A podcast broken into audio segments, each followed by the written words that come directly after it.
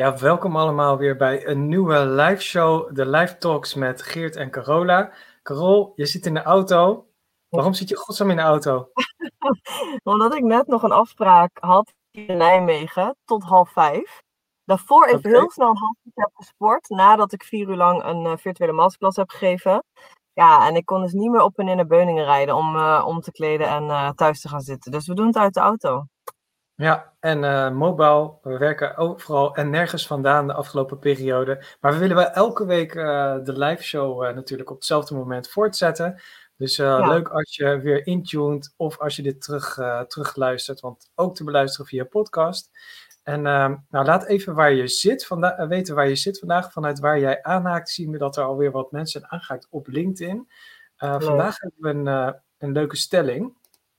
En die stelling Waar zit is... jij trouwens even? Jij bent, want dat is niet jouw echte achtergrond. Nee, Waar ben nee jij? dit, is- dit is het kantoor wat ik graag wil dat we ooit gaan hebben. Maar ik sta in onze studio. Ik heb vandaag twee workshops gegeven. Dus ik sta met de lampen op me, met een greenscreen achter me. En eh, ik vind dit wel heel erg gaaf eruit zien. Dus eh, ik zou het ook, wel ja. fijn vinden om zo'n eh, om zo'n kantoor te hebben. Het topic van deze week. Mhm. Kan mijn werkgever mij verplichten om mijn LinkedIn-profiel zakelijk in te zetten? Ja. Dus ik ben wel benieuwd eh, wat jij als, eh, nou, als je erbij bent, wat vind je ervan? Vind jij, eh, vind je dat, dat, dat hij je kan verplichten? Heb je daar een idee bij? Gooi het even in de chat. Doe mee. En dan kunnen we het daar zo eens, zo eens over hebben. Mhm. Zo, Carol, ik ben wel een beetje gaar hoor. Van twee online sessies vandaag. Totaal Ja, dat zes uur in een sessie gezeten. Ja, Echt je, heb je goed gedaan.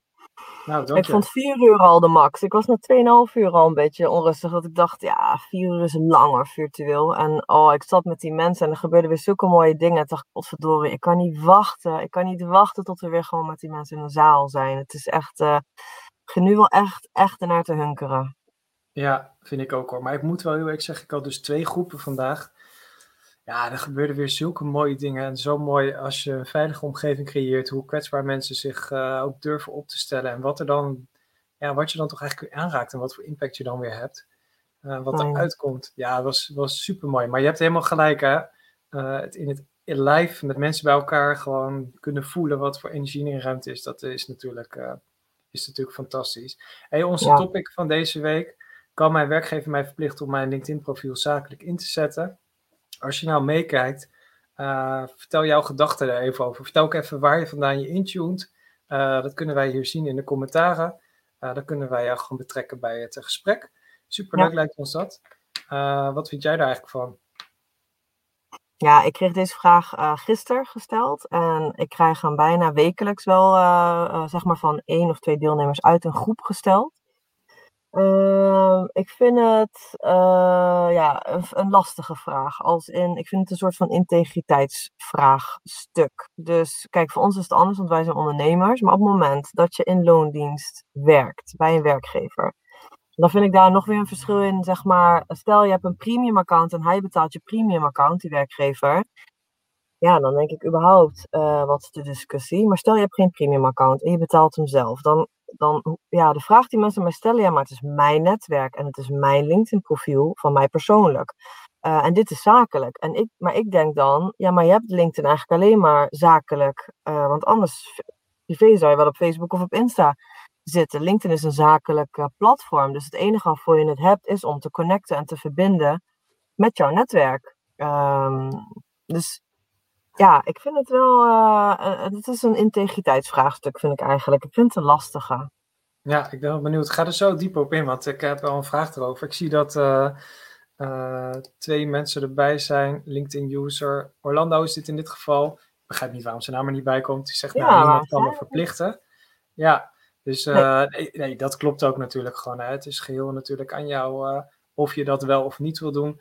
En ik had vandaag toevallig ook nog deze vraag van, joh, niet, zo, niet zo hard, hè, kan ik verplichten, maar van waarom zou ik het nou doen? En toen vertelde ik ook het verhaal van, joh, weet je wat het nou is? Als jij trots bent op hetgene wat je doet, en trots bent voor de organisatie waar jij voor werkt, en nou, toevallig ook ben, op zoek bent naar nieuwe klanten en dergelijke, waarom zou je het dan eigenlijk niet doen?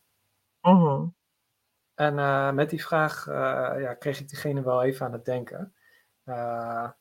Eh, dus maar goed, Jan Vervoert, die geeft aan, ja, het ligt eraan welke functie. Hoezo bedoel je dat, Jan? Zou je dat nog even toe kunnen liggen? Ik ben wel benieuwd naar wat je, wat je daarmee Ja, bedoelt.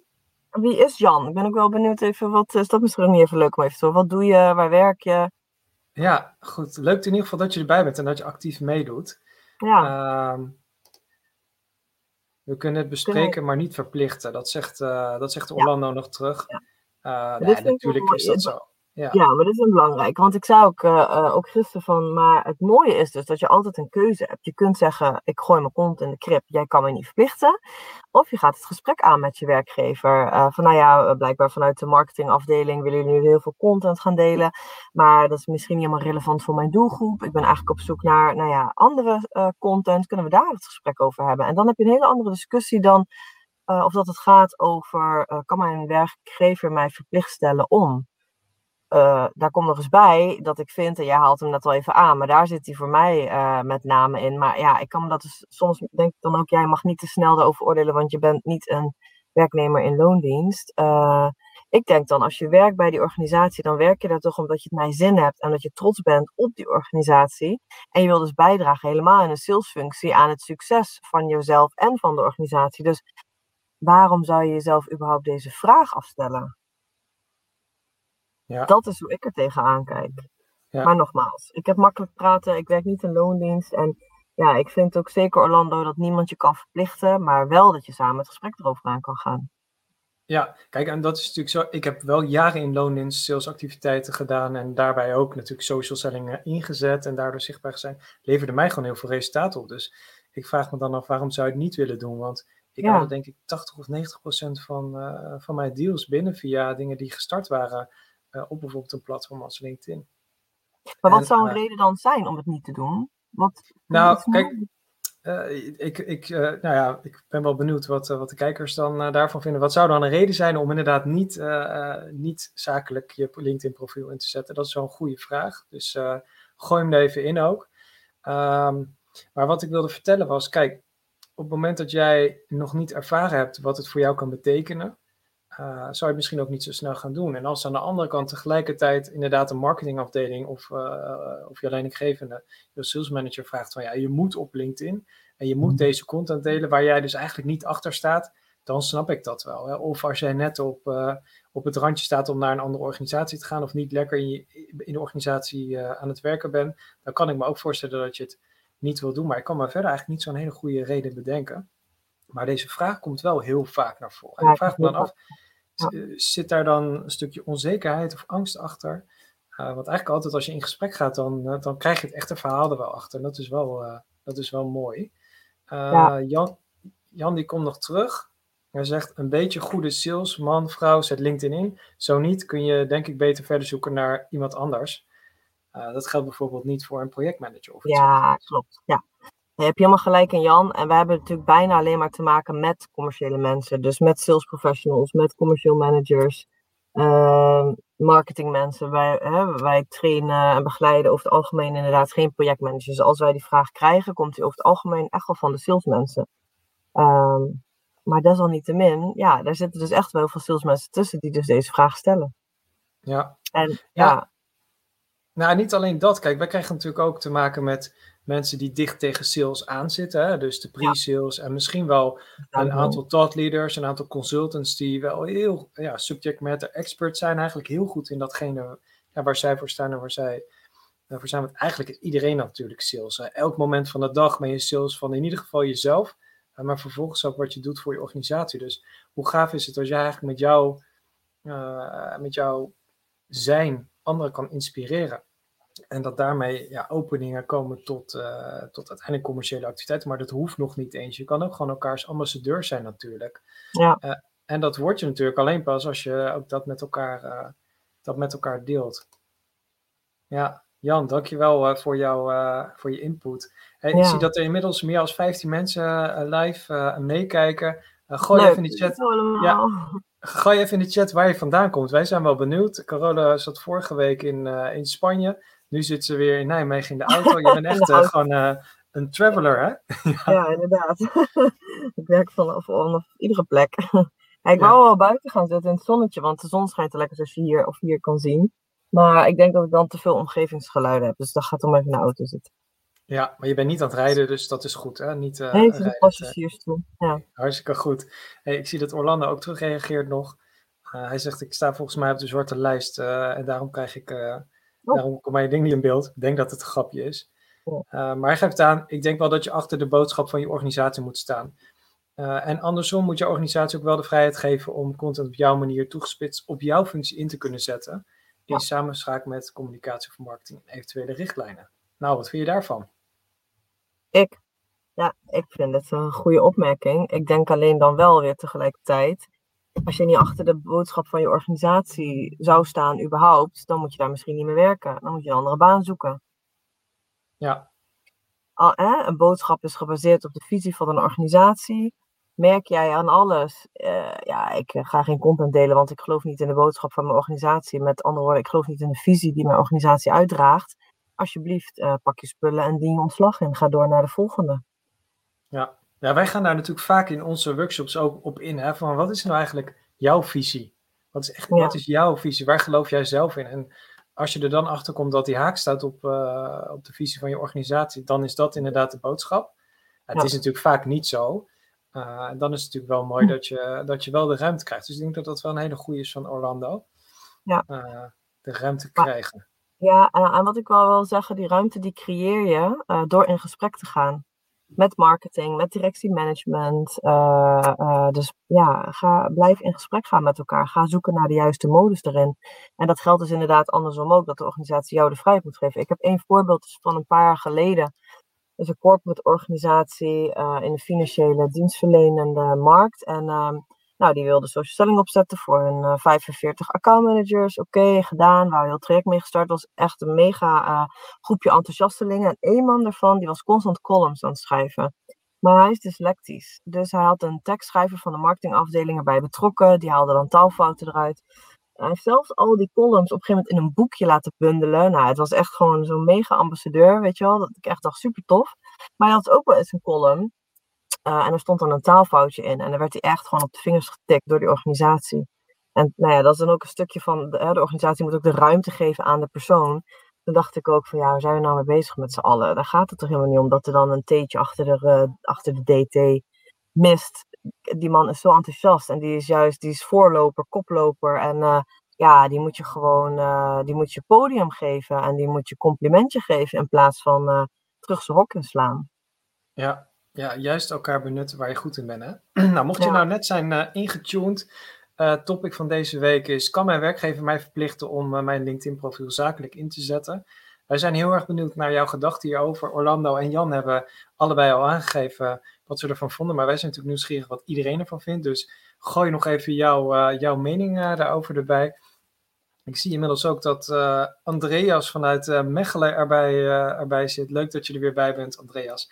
En een andere LinkedIn-user. Nou, ik zie toevallig dat het Arno is, die, uh, Arno Toorn. Fijn dat je er uh, ook bij bent. Ik ben ook wel benieuwd naar jouw visie, Arno. Wat vind jij hier nou eigenlijk van?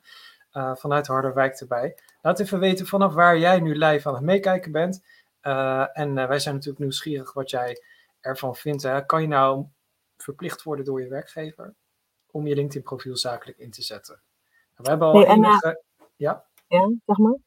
Nee, jij mag eerst. Jij begon. Oh. Nou, uh, of we nog een kaartje doen uit ons social selling game.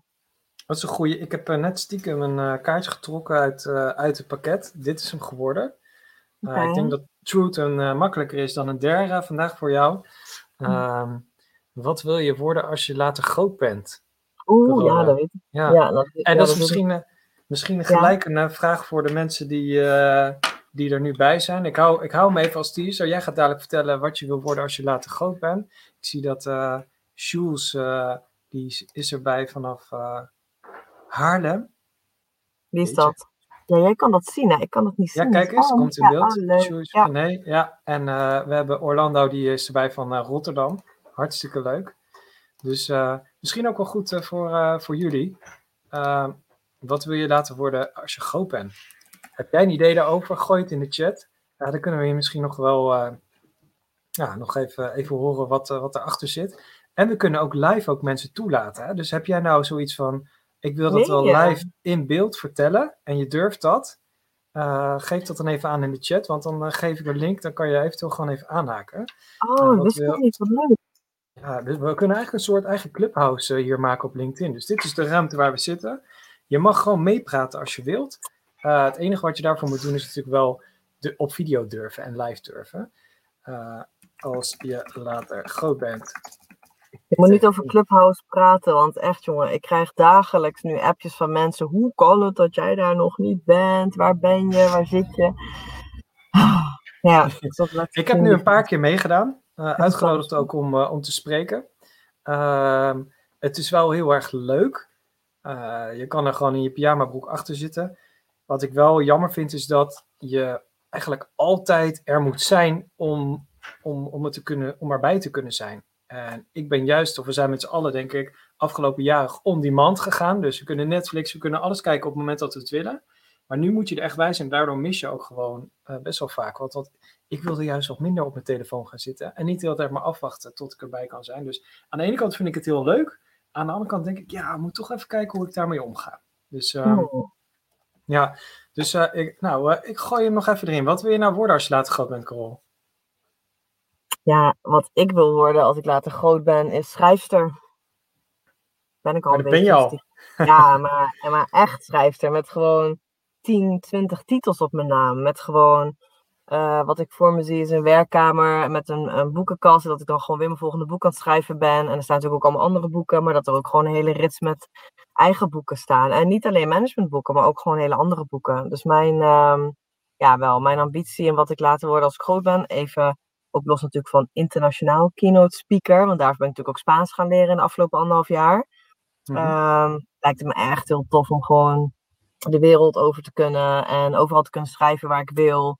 Meerdere titels op mijn naam te hebben staan. Internationaal te spreken over die thema's, over die boeken. Uh, ja, dat is toch wel echt een stuk op de horizon. Leuk. ik denk dat je dat ook gaat lukken. Ja, dat weet ik wel zeker dat het gaat lukken. Ja. Hartstikke goed. Roelof ja. uh, is er ook bij, die zegt ik kom uit Amersfoort. Hartstikke leuk. Hey, jo hey, jongens en meisjes, uh, gooi hem even in. Wat wil je worden als je later groot bent? Gewoon in de chat. Je mag gewoon meedoen. Het is niet spannend, er gebeurt verder niks. We zullen beloven dat we het niet verder zullen vertellen. Andreas, kom nog even terug. Ik steun ook Geert, als de bedrijfscultuur je niet ligt, kan je maar beter een werkgever zoeken waar de bedrijfscultuur wel aansluit.